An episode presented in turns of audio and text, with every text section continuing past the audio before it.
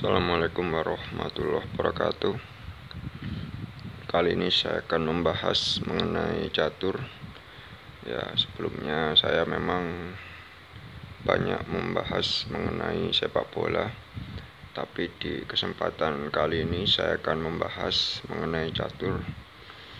Ya, olahraga catur ini memang tidak terlalu banyak digemari, mungkin karena menguras pikiran juga ya.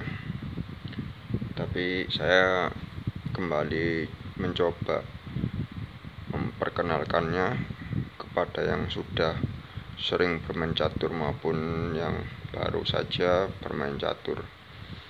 Ya sebelumnya saya memang banyak melakukan riset mengenai apa yang bisa dilakukan dalam catur. Utamanya saya bisa melihat permainan Grandmaster atau pecatur yang papan atas di YouTube.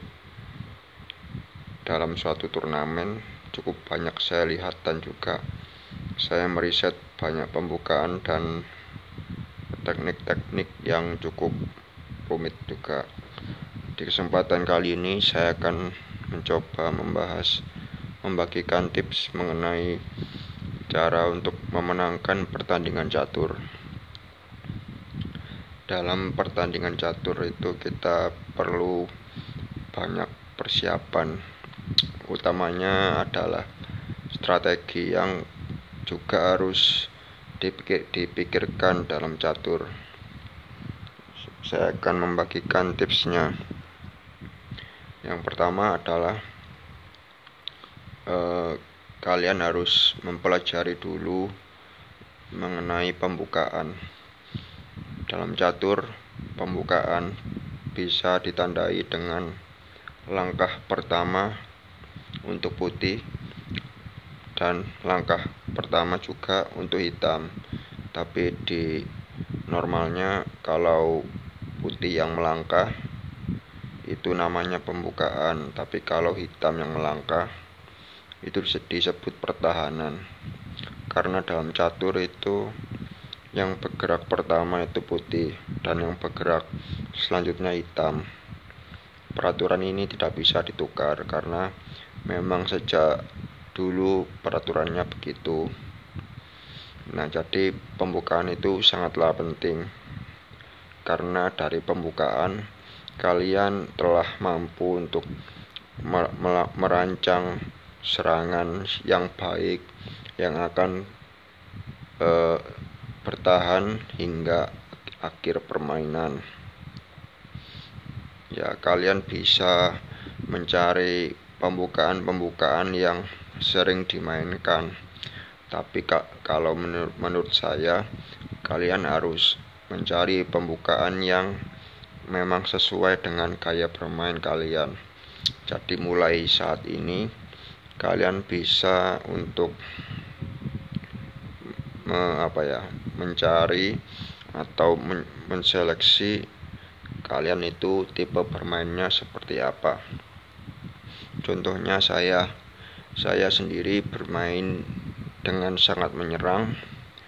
Itu terlihat karena pembukaan saya membuat saya akan memajukan banyak sekali perwira.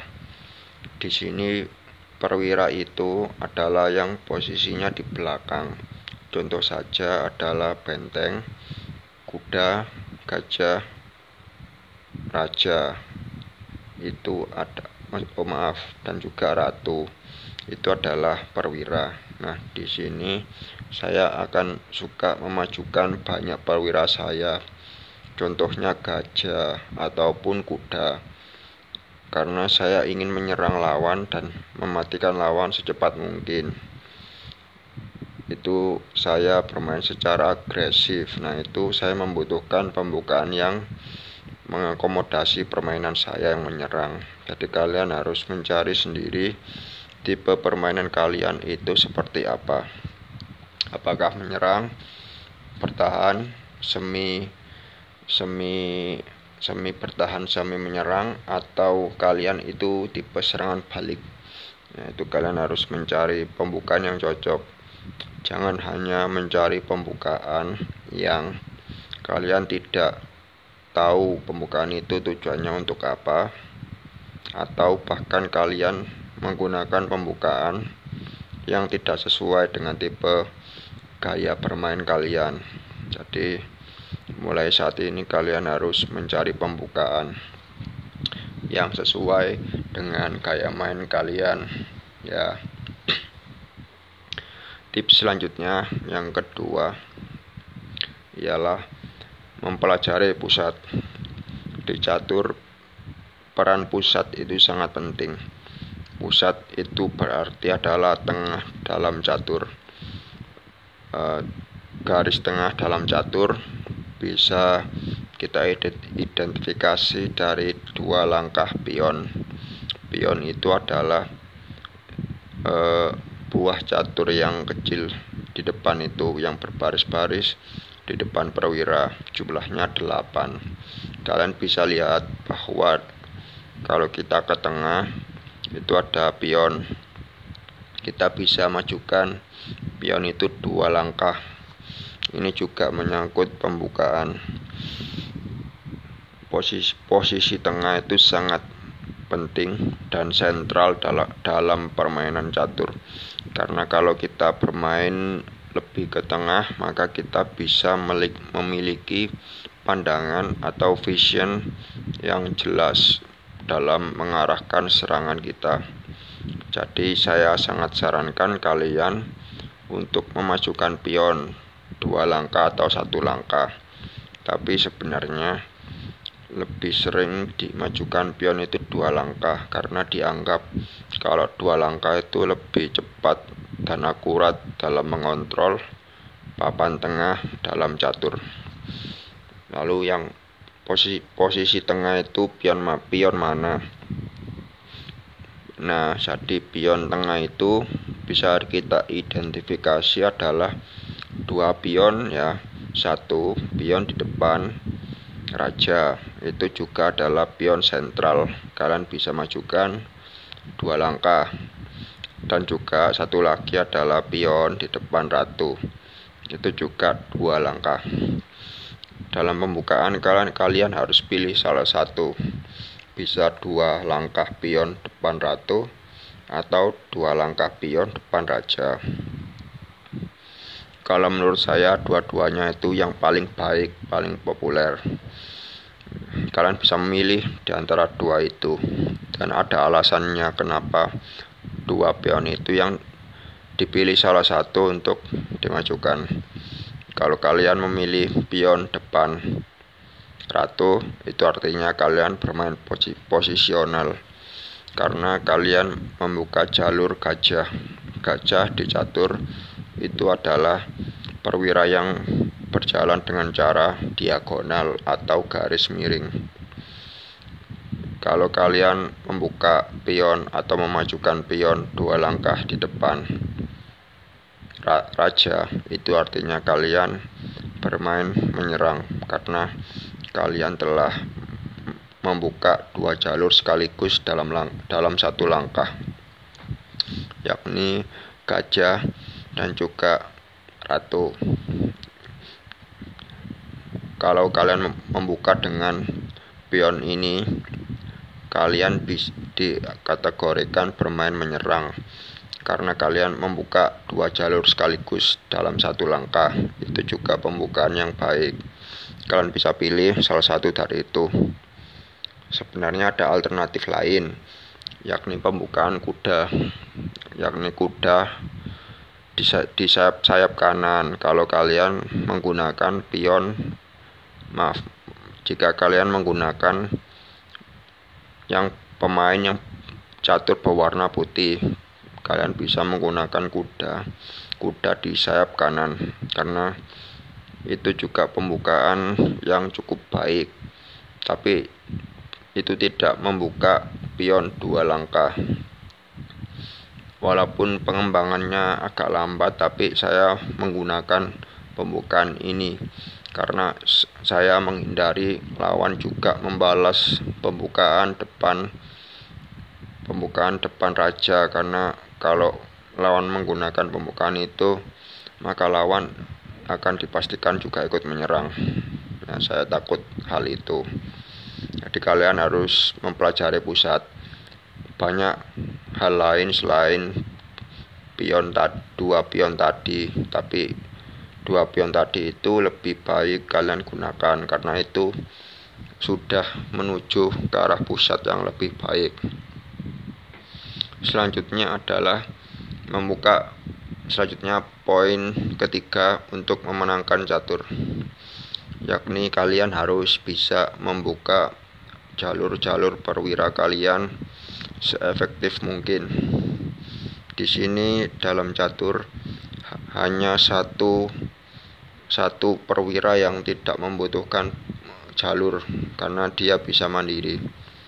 Jalur di sini pengertiannya adalah kita harus membuka pion satu langkah atau dua langkah.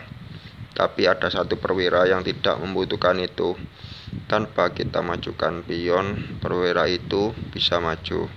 Contoh saja, dalam hal ini satu-satunya pion itu adalah kuda. Kuda bisa melangkah dengan sangat fleksibel karena kuda tidak karena kuda mampu melewati objek apa pun di catur.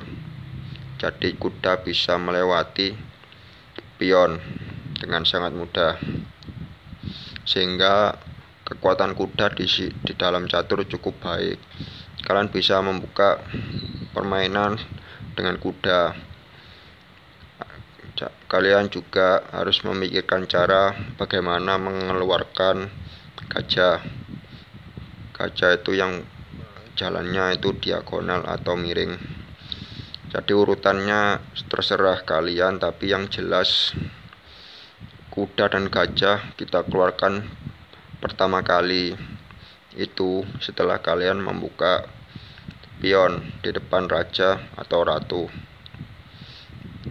Lalu di terakhir kita bisa memajukan sedikit ratu agar kita bisa melakukan rokade. Rokade di sini adalah suatu sistem dalam catur di mana kita bisa menyembunyikan raja dengan cara raja kita langkahkan dua langkah ke kanan atau ke kiri. Dan otomatis benteng akan berpindah posisi. Tapi di sini rokade tidak bisa dilakukan kalau posisi kita jalur jalur raja terancam atau benteng maupun rajanya sudah bergerak dahulu. Yaitu tidak akan bisa dilakukan rokade jadi rokade itu opsi terakhir, tapi di pecatur papan atas rokade dilakukan secepat mungkin. Tapi saya menganggap rokade itu hanya untuk membuka jalur benteng saja. Tapi ini selera selera saja. Saya kadang-kadang tidak cepat melakukan rokade karena saya suka bermain menyerang. Bagi saya kalau melakukan rokade itu agak membuang tempo juga ya. Satu langkah cuma buat rokade. Tapi ya itu selera sebenarnya. Kembali lagi bahwa penguasaan dalam papan catur itu penting. Jadi mengeluarkan perwira sebanyak mungkin itu juga penting dalam catur. Juga jangan lupakan peran benteng dalam catur itu juga penting. Benteng biasanya sangat berfungsi di akhir permainan. Karena di akhir permainan banyak lajur terbuka karena pion banyak yang sudah maju dan saling memakan satu sama lain. Ya itu adalah tiga tips dari saya saya rasa itu bermanfaat dan itu sangat sangat masuk akal untuk pemula seperti kita. Saya pun juga pemula yang baru belajar. Cuma bedanya saya banyak meriset hal-hal yang sebelumnya saya tidak ketahui seperti pembukaan. Saya cukup banyak hafal pembukaan-pembukaan yang ada dan juga saya hafal juga permainan dari papan pecatur papan atas dunia seperti Magnus Carlsen dan sebagainya. Tapi saya tidak sehebat permainan papan papan pecatur papan atas itu, tapi saya mengambil intisari dari pemikiran mereka. Dan semoga bahasan saya ini bisa bermanfaat bukan hanya untuk pemula catur, tapi juga untuk mereka-mereka yang sudah expert atau sudah ahli di bidang catur. Demikian dari saya. Saya Ahmad Ardiansyah menutup obrolan ini. Waalaikumsalam warahmatullahi wabarakatuh.